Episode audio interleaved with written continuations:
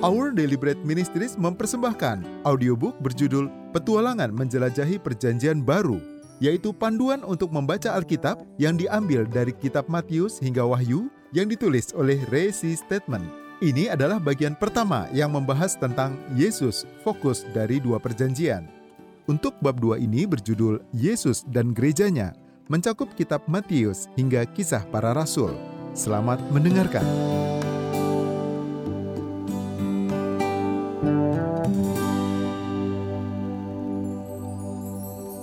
Yesus dan gerejanya. Di sepanjang halaman-halaman Perjanjian Lama, kita sudah membaca tentang Yesus Kristus. Walaupun namanya tidak pernah disebutkan dalam Perjanjian Lama, dia muncul di setiap halaman dalam bentuk simbol, bayangan, corak, ritual, pengorbanan, dan nubuat. Ketika masuk ke Perjanjian Baru, kita menemuinya dalam bentuk daging di dalam Perjanjian Baru, dalam wujud seorang manusia yang hidup dan bernafas, Yesus hadir untuk menggenapi dan memenuhi segala simbol dan nubuat dari Kitab Kejadian hingga Maliaki. Ketika kita berpindah dari Perjanjian Lama ke Perjanjian Baru, kita menemukan bahwa ada satu orang, yaitu Yesus Kristus, menjadi titik fokus dari Perjanjian Lama dan Perjanjian Baru kita berjumpa dengan Yesus Kristus melalui empat gambaran yang berbeda: Matius, Markus, Lukas, dan Yohanes. Banyak orang menanyakan, mengapa harus ada empat Injil dan tidak satu saja? Mengapa para penulis itu tidak mengumpulkan seluruh fakta yang ada dan menyajikan semuanya kepada kita dalam satu kitab? Itu seperti berusaha menggunakan satu foto gedung untuk menampilkan secara utuh struktur bangunan secara keseluruhan. Satu gambar tidak mungkin dapat menampilkan empat sisi bangunan gedung itu secara menyeluruh. Hal yang sama juga berlaku pada diri Yesus. Karakter dan pelayanannya begitu kaya dan memiliki multi sisi sehingga dengan satu sudut pandang saja tidak mampu menyampaikan seluruh kisahnya. Allah secara sengaja merencanakan empat Injil supaya masing-masing dapat menyatakan tentang Tuhan kita dalam cara yang unik. Masing-masing Injil menyampaikan sebuah aspek yang berbeda tentang Kristus. Dan pemahaman kita tentang siapa diri Yesus sebenarnya pasti mengalami kerugian besar jika satu saja dari keempat Injil ini hilang dari perbendaharaan kita. Perjanjian Lama dipenuhi dengan gambaran tentang Mesias yang akan datang, dan berbagai gambaran itu berhubungan dengan potret-potret Yesus yang dilukiskan bagi kita dalam keempat Injil. Pertama, Yesus dinyatakan melalui banyak nubuat, khususnya dalam kitab Yesaya, Yeremia, dan Zakaria sebagai Raja Israel yang akan datang. Karena alasan-alasan yang jelas, bangsa Israel begitu menyenangi gambaran tersebut. Dan inilah yang menjadi salah satu alasan mengapa bangsa Israel menolak Tuhan ketika dia datang. Dia tidak mirip sosok raja yang mereka nantikan. Namun Matius dalam Injilnya memerhatikan aspek-aspek rajani dari Yesus dan pelayanannya dan aspek-aspek itulah yang ditegaskan Matius. Oleh karena itu, kitab Matius disebut sebagai Injil Sang Raja. Kedua, Yesus Sang Mesias digambarkan di dalam banyak bagian Perjanjian Lama sebagai seorang hamba yang menderita. Kita melihat berbagai citra hamba yang menderita secara khusus dalam kitab Yesaya. Di kitab Kejadian, Yusuf juga dipandang sebagai contoh dari dia yang akan datang untuk menderita dan melayani. Orang-orang Ibrani beranggapan bahwa kedua citra Mesias ini membingungkan. Sang Mesias Raja dengan Sang Mesias Hamba. Sehingga banyak pakar Yahudi berkesimpulan pasti ada dua Mesias yang berbeda. Mereka menyebut Mesias yang pertama sebagai Mesias bin Daud atau Mesias anak Daud dan Mesias yang kedua sebagai Mesias bin Yusuf atau Mesias anak Yusuf. Mesias bin Daud dianggap sebagai Mesias rajani, sedangkan Mesias bin Yusuf adalah Mesias yang menderita. Mereka tidak dapat membayangkan bahwa sang raja dan hamba adalah orang yang sama. Namun, Markus memahami hakikat Kristus yang rendah hati, bersedia mengorbankan diri dan melayani. Aspek-aspek inilah yang dijelaskan Markus kepada kita dalam Injilnya. Ketiga, kita kerap menemukan gambaran Perjanjian Lama tentang kedatangan Kristus sebagai seorang manusia. Dia lahir dari seorang perawan, tumbuh besar di Bethlehem, dan hidup di antara manusia. Dia menjadi manusia yang sempurna. Itulah citra yang disajikan kepada kita oleh Lukas di dalam kitab Injilnya. Yang terakhir, kita pun menemukan sejumlah gambaran dari Perjanjian Lama yang membahas tentang Sang Mesias sebagai Allah pribadi yang kekal. Sebagai contoh, Mika 5 ayat 1 menubuatkan bahwa Sang Mesias akan datang dari kota kecil Bethlehem di Efrata, kota di mana Yesus memang dilahirkan, dan bahwa asal-usul Sang Mesias adalah dari dahulu kala. Maksudnya, dia tidak punya permulaan, dia kekal, Dia adalah Allah. Ini sesuai dengan gambaran tentang Yesus yang kita peroleh dari Injil Yohanes, Injil Sang Anak Allah. Jadi, seluruh nubuat Perjanjian Lama dan gambaran tentang Kristus dapat disimpulkan di dalam empat judul utama Injil: Raja, Hamba, Manusia, dan Allah. Menarik sekali, di empat bagian di dalam Perjanjian Lama Alkitab Bahasa Inggris King James Version, kata lihat digunakan dalam kaitan dengan salah satu dari empat gambaran ini. Di dalam Zakaria 9 ayat 9, Allah berfirman kepada putri Sion dan Yerusalem, Lihat, Rajamu datang kepadamu. Nubuat itu digenapi ketika Tuhan kita memasuki Yerusalem dengan penuh kemenangan. Kemudian di dalam Yesaya 42 ayat 1, Allah berfirman, Lihat, itu hambaku yang kupegang. Allah tidak mengatakan hambamu, tetapi hambaku. Kristus bukanlah hamba umat manusia, tetapi hamba Allah. Di Zakaria 6 ayat 12 Tuhan berfirman, Inilah orang yang bernama Tunas. Di ayat ini, Tuhan berfirman tentang Sang Mesias, di dalam Yesaya 40 ayat 9, dia berfirman, Lihat, itu Allahmu. Di dalam keempat frasa ini, setiap frasa terkait dengan salah satu aspek diri Kristus. Jadi, kita dapat melihat dengan jelas bahwa Allah telah merajut sebuah pola yang luar biasa dan konsisten di dalam firman-Nya, baik di dalam Perjanjian Lama dan Perjanjian Baru. Pola ini mengungkapkan banyak sisi dan dimensi dari Yesus Sang Mesias. Sangat menarik ketika kita memerhatikan segala teknik, detail, dan nuansa yang digunakan masing-masing penulis Injil untuk melukiskan potret Yesus Kristus yang unik dan khas. Di dalam Matius, Injil Sang Raja, kita melihat banyak bukti dari statusnya sebagai raja – Kitab ini dibuka dengan silsilah Kristus. Merunut garis keturunan kebangsawanannya dari Daud, Raja Israel, dan Abraham, bapa bangsa Israel. Di sepanjang kitab ini, Yesus berbicara dan bertindak dalam otoritas seorang raja.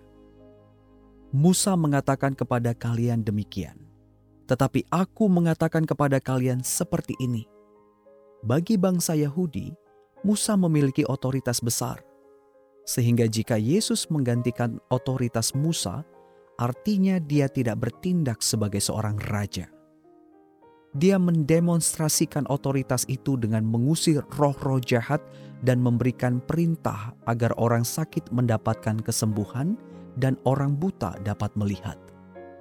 Dengan otoritasnya sebagai raja, dia memberikan penghakiman pada para pejabat bangsa ini dengan berkata, Celakalah kalian, para ahli Taurat dan orang Farisi, orang-orang munafik.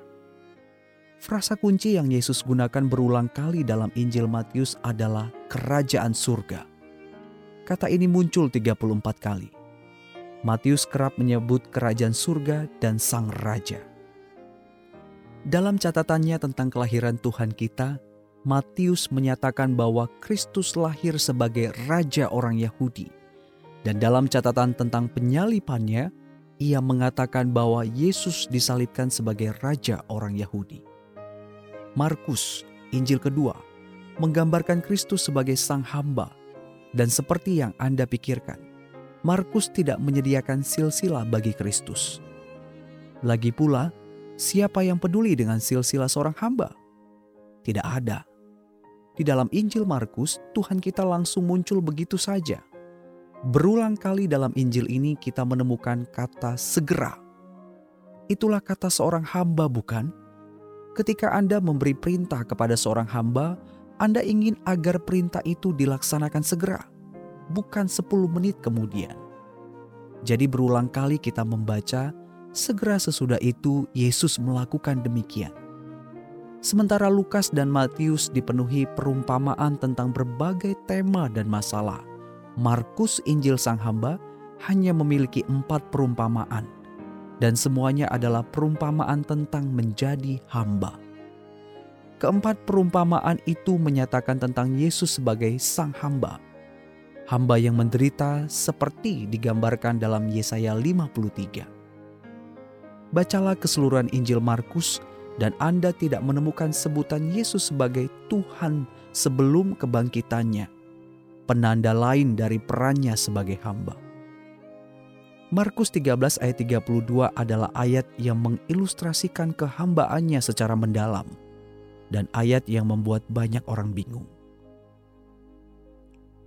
Di ayat itu Tuhan kita mengatakan tentang kedatangannya yang kedua kali.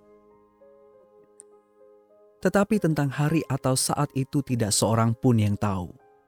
Malaikat-malaikat di surga tidak, dan anak pun tidak. Hanya Bapa saja. Bagaimana mungkin Yesus sebagai Allah yang Maha Kuasa tidak dapat mengetahui waktu kedatangannya sendiri? Ini sepenuhnya menjadi misteri jika Anda belum memahami karakter Injil Markus. Memang bukan pada tempatnya bagi seorang hamba untuk mengetahui apa yang sedang dilakukan tuannya, walaupun hamba itu adalah Sang Anak Allah sendiri.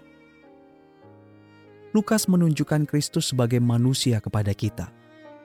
Di sini kita melihat kesempurnaannya sebagai manusia, kemanusiaannya yang mulia, indah, penuh kuasa dan bermartabat. Seperti yang dapat kita duga, Lukas juga menampilkan silsilah Kristus. Jika Yesus memang hendak dinyatakan sebagai manusia, kita juga ingin mengetahui bahwa Dia memang bagian dari umat manusia. Dan Lukas mengungkapkan argumentasi bahwa Kristus memang sepenuhnya bagian dari ras Adam dengan merunut silsilahnya hingga ke Adam. Di dalam kitab Lukas, kita menemukan Kristus yang sering berdoa. Jika Anda ingin melihat Yesus yang berdoa, bacalah Injil Lukas. Doa merupakan gambaran tentang persekutuan yang sewajarnya dari manusia dengan Allah. Ketergantungan total kepada Allah yang berdaulat dan maha kuasa. Anda sedang mendengarkan audiobook persembahan Our Daily Bread Ministries berjudul Petualangan Menjelajahi Perjanjian Baru.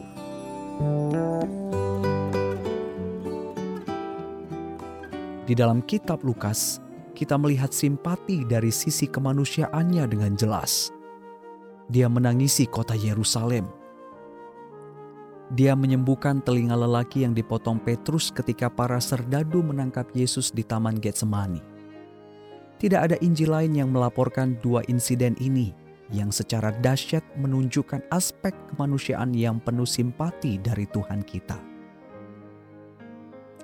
Lukas memberikan catatan paling lengkap tentang pergumulan Kristus di Taman Getsemani, di mana dia berkeringat darah yang dengan fasih melambangkan sang manusia yang sepenuhnya merasakan pencobaan-pencobaan dan kepedihan kita. Injil Yohanes menyajikan Kristus sebagai Allah, Mulai dari ayat pertamanya, ini merupakan tema Yohanes yang berpengaruh dan menyolok. Banyak orang gagal menginsafi bahwa Injil Yohanes seperti Matius dan Lukas juga dibuka oleh sebuah silsilah. Banyak orang gagal melihat keberadaan silsilah itu karena teks itu sangat singkat. Pada mulanya adalah firman. Firman itu bersama-sama dengan Allah, dan firman itu adalah Allah. Yohanes 1 ayat 1. Hanya itu. Hanya ayat itu yang ditulis Yohanes untuk menyatakan silsilah Kristus secara menyeluruh. Dua pihak, Sang Bapa dan Sang Anak, Mengapa silsilah ini begitu singkat? Karena tujuan Yohanes memang sederhana, untuk memberikan kisah tentang hakikat keilahian Kristus. Dalam Injil Yohanes, kita melihat tujuh deklarasi akulah dia. Ketujuh deklarasi ini menggemakan pernyataan agung dari Tuhan kepada Musa melalui semak duri yang menyala. Aku adalah aku. Keluaran 3 ayat 14. Sebagai tambahan terhadap tujuh deklarasi akulah dia yang dramatis ini, kita juga membaca sebuah insiden di taman ketika pernyataan akulah dia yang diucapkan Yesus memiliki dampak dahsyat. Itu terjadi ketika Yudas mengarahkan para serdadu pergi ke taman itu untuk menangkap Yesus. Ketika para serdadu mengatakan kepada Tuhan bahwa mereka sedang mencari orang bernama Yesus dari Nazaret, Yesus menjawab, "Akulah Dia." Kekuatan dari deklarasi "Akulah Dia" yang agung itu menunjukkan deklarasi tentang ketuhanannya sendiri yang begitu dahsyat, sehingga para serdadu terjerembab ke belakang karena keheranan. Anda dapat melihat di dalam Yohanes 18 ayat 3 sampai 8. Di Yohanes 20 ayat 30 sampai 31, penulis dengan jelas menyatakan bahwa tujuannya bukanlah untuk memberikan biografi komprehensif tentang kehidupan Tuhan, tetapi menginspirasi keyakinan yang menyelamatkan di dalam ketuhanan Yesus Kristus Sang Anak Allah. Memang masih banyak tanda lain yang dibuat Yesus di depan mata murid-muridnya yang tidak tercatat dalam kitab ini. Tetapi semua yang tercantum di sini telah dicatat supaya kamu percaya bahwa Yesuslah Mesias anak Allah dan supaya kamu oleh imanmu memperoleh hidup dalam namanya. Akhirnya sebelum kita melanjutkan pembahasan untuk memeriksa keempat Injil satu persatu, harus diperhatikan bahwa kita tidak mungkin dapat melakukan harmonisasi secara kronologis atas kisah-kisah ini karena keempatnya memang tidak dimaksudkan sebagai kisah yang kronologis. Matius, Markus, Lukas, dan Yohanes tidak berupaya menulis biografi kronologis tentang Yesus. Mereka menulis untuk menyampaikan aspek-aspek spesifik dari kehidupan dan pelayanan Tuhan – tetapi tidak satupun dari kitab-kitab ini yang mengklaim diri sebagai kronologi kehidupannya. Tentu saja, kronologi peristiwa-peristiwa ini bukan informasi paling penting yang dapat diperoleh dari kitab-kitab Injil. Meskipun kita tidak dapat mengharmonisasikan secara tepat peristiwa-peristiwa ini, masih memungkinkan untuk memperoleh sebuah urutan peristiwa secara umum yang dapat diandalkan dengan membandingkan Injil-Injil tersebut, khususnya jika kita mengutamakan Injil Yohanes yang kelihatannya paling persis dalam hal kronologi dari keempat Injil. Anda mungkin berpikir bahwa saya sekadar menambahkan begitu saja kitab kisah para rasul ke dalam bagian ini bersama keempat Injil karena kitab kisah para rasul tidak sesuai dengan kitab surat-surat Paulus. Tidak demikian. Saya secara sengaja mengikut sertakan kisah para rasul karena kitab ini melanjutkan kisah keempat Injil. Kitab yang ditulis oleh Lukas ini sebenarnya adalah kisah lanjutan bagi Injil Lukas. Tetapi kitab ini juga menjadi kisah lanjutan dari keempat Injil. Jika keempat kitab Injil menyampaikan kisah Kristus dalam tubuh duniawinya dan pelayanannya di bumi, kitab kisah para rasul menyampaikan kisah tentang gereja sebagai tubuh Kristus yang melanjutkan karyanya di bumi setelah kenaikannya ke surga. Dalam banyak cara, kisah para rasul adalah kunci untuk memahami Perjanjian Baru. kita tidak akan dapat memahami Perjanjian Baru jika kitab kisah para rasul diabaikan. Keempat Injil mengajarkan kepada kita bahwa para rasul telah diutus untuk memberitakan Injil kepada bangsa Israel dan hanya kepada bangsa Israel. Namun, di dalam kisah para rasul, kita belajar bahwa Allah memerintahkan agar Injil diberitakan ke seluruh dunia kepada bangsa non-Yahudi sekaligus juga kepada keturunan Israel. Jika kita mengesampingkan kisah para rasul dan melompat langsung ke surat-surat Paulus, kita akan menemukan bahwa seorang rasul lain telah ditambahkan secara misterius, yaitu seorang rasul bernama Paulus. Alih-alih membicarakan tentang kerajaan Allah, orang-orang Kristen justru membicarakan tentang sebuah organisasi baru, yaitu gereja alih-alih tentang Injil yang hanya ditujukan bagi orang-orang Yahudi di wilayah sekitar kota Yerusalem, kekristenan justru telah menyebar dalam jangka waktu singkat dan hanya melalui satu generasi ke perbatasan-perbatasan dunia yang dikenal pada waktu itu. Kita mungkin akan bingung untuk mengetahui dari mana asal-usul gereja dan Rasul Paulus kita juga akan terkagum ketika melihat bagaimana terjadinya penyebaran kekristenan secara luar biasa. Semua hal ini dijelaskan dalam kitab Kisah Para Rasul.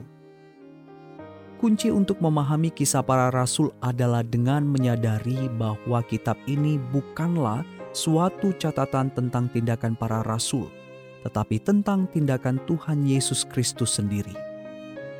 Perhatikan bagaimana ayat yang mengawali kitab ini Hai Theophilus, dalam bukuku yang pertama aku menuliskan segala sesuatu yang mulai dikerjakan dan diajarkan Yesus.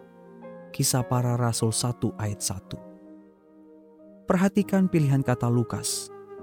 Dalam Injil Lukas, ia mencatat segala sesuatu yang mulai dilakukan Tuhan Yesus. Namun di sini, dalam kisah para rasul, Lukas memberikan kepada kita catatan tentang apa yang masih terus Tuhan lakukan. Jadi, Tuhanlah yang bekerja di kedua kitab ini. Kitab Lukas adalah volume pertama dan kitab kisah para rasul adalah volume kedua. Selama Perang Dunia Kedua, Perdana Menteri Inggris Winston Churchill menyatakan suatu pengumuman tentang kemenangan-kemenangan pasukan sekutu ketika mereka menaklukkan keseluruhan Afrika Utara dan hendak memulai invasinya atas Sisilia. Churchill mengakhiri pengumumannya itu dengan kata-kata sebagai berikut. Ini belum berakhir. Ini juga bukan awal dari akhir perjalanan. Namun, ini mungkin bagian akhir dari permulaan. Hal yang sama kita temui di keempat Injil ketika dia naik ke surga, momen itu bukanlah akhir dari pelayanan Tuhan kita. Seperti yang dicatat Lukas dalam kitab kisah para rasul pasal pertama. Peristiwa ini hanyalah akhir dari suatu permulaan. Namun, dalam pasal-pasal selanjutnya dari kitab kisah para rasul, kita mendapatkan awal dari bagian akhir. Kisah para rasul adalah kitab di Alkitab yang masih belum selesai Perhatikan bagaimana kitab ini berakhir dengan tiba-tiba. Dua ayat terakhir dari kitab ini menyatakan bahwa Paulus telah tiba di Roma. Dan Paulus tinggal dua tahun penuh di rumah yang disewanya sendiri itu. Ia menerima semua orang yang datang kepadanya. Dengan terus terang dan tanpa rintangan apa-apa, ia memberitakan kerajaan Allah dan mengajar tentang Tuhan Yesus Kristus Kisah para Rasul 28 ayat 30 sampai 31. Setiap kali saya selesai membaca kitab ini, saya selalu bertanya pada diri sendiri. Lalu apa yang terjadi kemudian? Kitab kisah para rasul membiarkan Anda membaca akhir yang menggantung. Kitab ini memberi kesan menyolok bahwa kisahnya belum selesai dan ada alasannya. Kitab ini merupakan biografi dari seseorang yang masih hidup, yaitu Yesus Kristus pasal terakhir dari kisahnya masih belum selesai ditulis. Di perpustakaan saya pribadi, saya memiliki autobiografi karya Henry Allen Ironside. dan kitab itu berakhir dengan cara serupa. Buku itu membiarkan bagian akhirnya menggantung. Anda bertanya-tanya apa yang akan terjadi kemudian. Buku autobiografi ini belum lengkap karena pada saat buku ini dituliskan, Ironside masih hidup. Kitab kisah para rasul terus dituliskan sampai hari ini di dalam kehidupan para pria dan wanita yang menjadi bagian dari tubuh Kristus yang hidup, yaitu gereja. Meskipun Yesus sudah terangkat ke awan-awan, kehidupan tubuhnya terus berlanjut. Hal itu terus berlanjut dalam kehidupan Anda. Hal itu terus berlanjut dalam kehidupan saya. Itu terjadi terus-menerus, hidup yang lebih lama dari kehidupan orang-orang bangsa-bangsa dan peradaban. Kekaisaran Roma telah runtuh. Kekaisaran bangsa Hun, Mongol, Aztec, China Manchu, dan Inggris telah mengalami kemajuan dan kemunduran. Kolonialisme telah runtuh di Amerika, Afrika, dan Asia.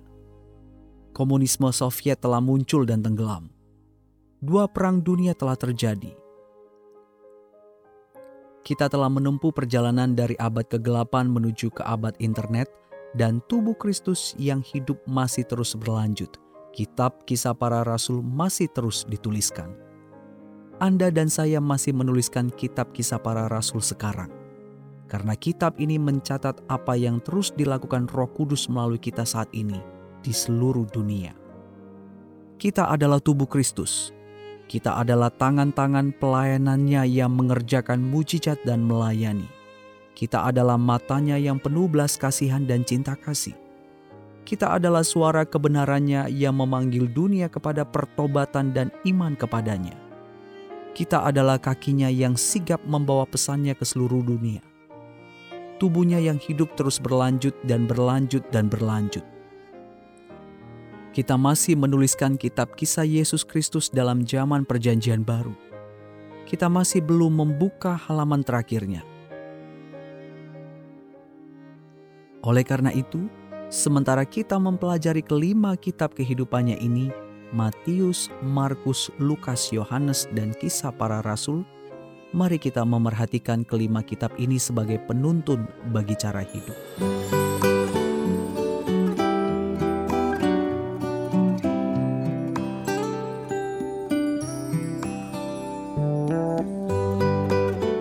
Saja Anda mendengarkan audiobook berjudul Petualangan Menjelajahi Perjanjian Baru, yaitu panduan untuk membaca Alkitab yang diambil dari kitab Matius hingga Wahyu yang ditulis oleh Resi Statement.